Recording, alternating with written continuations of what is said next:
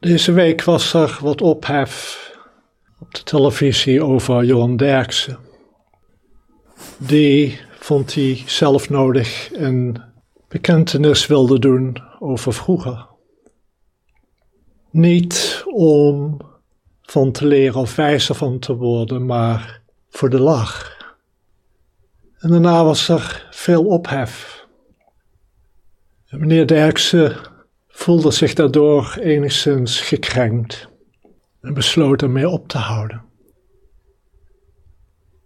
In het boeddhisme wordt een wijs mens gezien als iemand die leert van zijn fouten, die zichzelf wil verbeteren.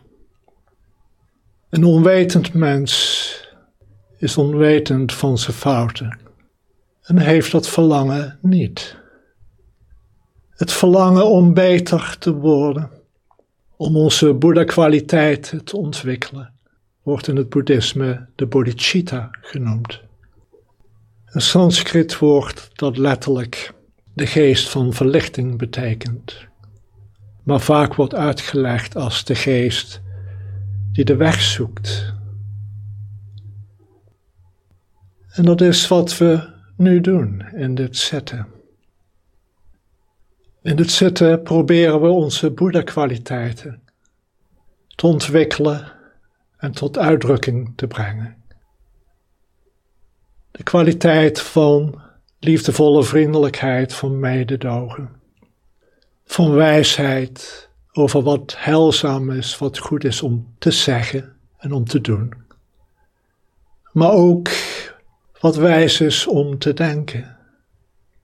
Want we denken vaak veel onheilzame gedachten, geen hulpzame gedachten. In dit zitten ontwikkelen we de kwaliteit van geduld en vertrouwen. In dit zitten ontwikkelen we de Boeddha-kwaliteiten die al in ons aanwezig zijn. En dat is het mooie. We hoeven niet iets te doen om ze van buitenaf aangereikt te krijgen. We hoeven alleen maar te zien waar we ze in de weg zitten, waar we ongeduldig zijn, hardvochtig, gierig, waar we niet vertrouwen. En daarin een verzachting brengen, een ontspanning, en vriendelijk worden. Wanneer we dit blijven oefenen, zullen we ons Boeddha zijn volledig tot uitdrukking brengen. Maar er is nooit iets om aan vast te houden, ook niet aan Boeddha zijn. Want misschien is de volgende gedachte wel weer onheilzaam, een beetje dom. Misschien is het woord dat we gezegd hebben niet zo behulpzaam of een beetje dom. Misschien is de actie die we gedaan hebben niet behulpzaam en een beetje dom. Maar wanneer we werkelijk de bodhicitta, de geest die de weg zoekt, ontwikkelen en ons daar volledig aan overgeven, dan zijn we een wijs mens. Want dan zullen we dat wat niet behulpzaam is, niet heilzaam is, loslaten. En terugkeren naar Boeddha zijn, naar onze Boeddha-kwaliteiten. Dus laten we nu zitten met de bodhicitta. Laten we in het zitten ons Boeddha zijn volledig tot uitdrukking brengen.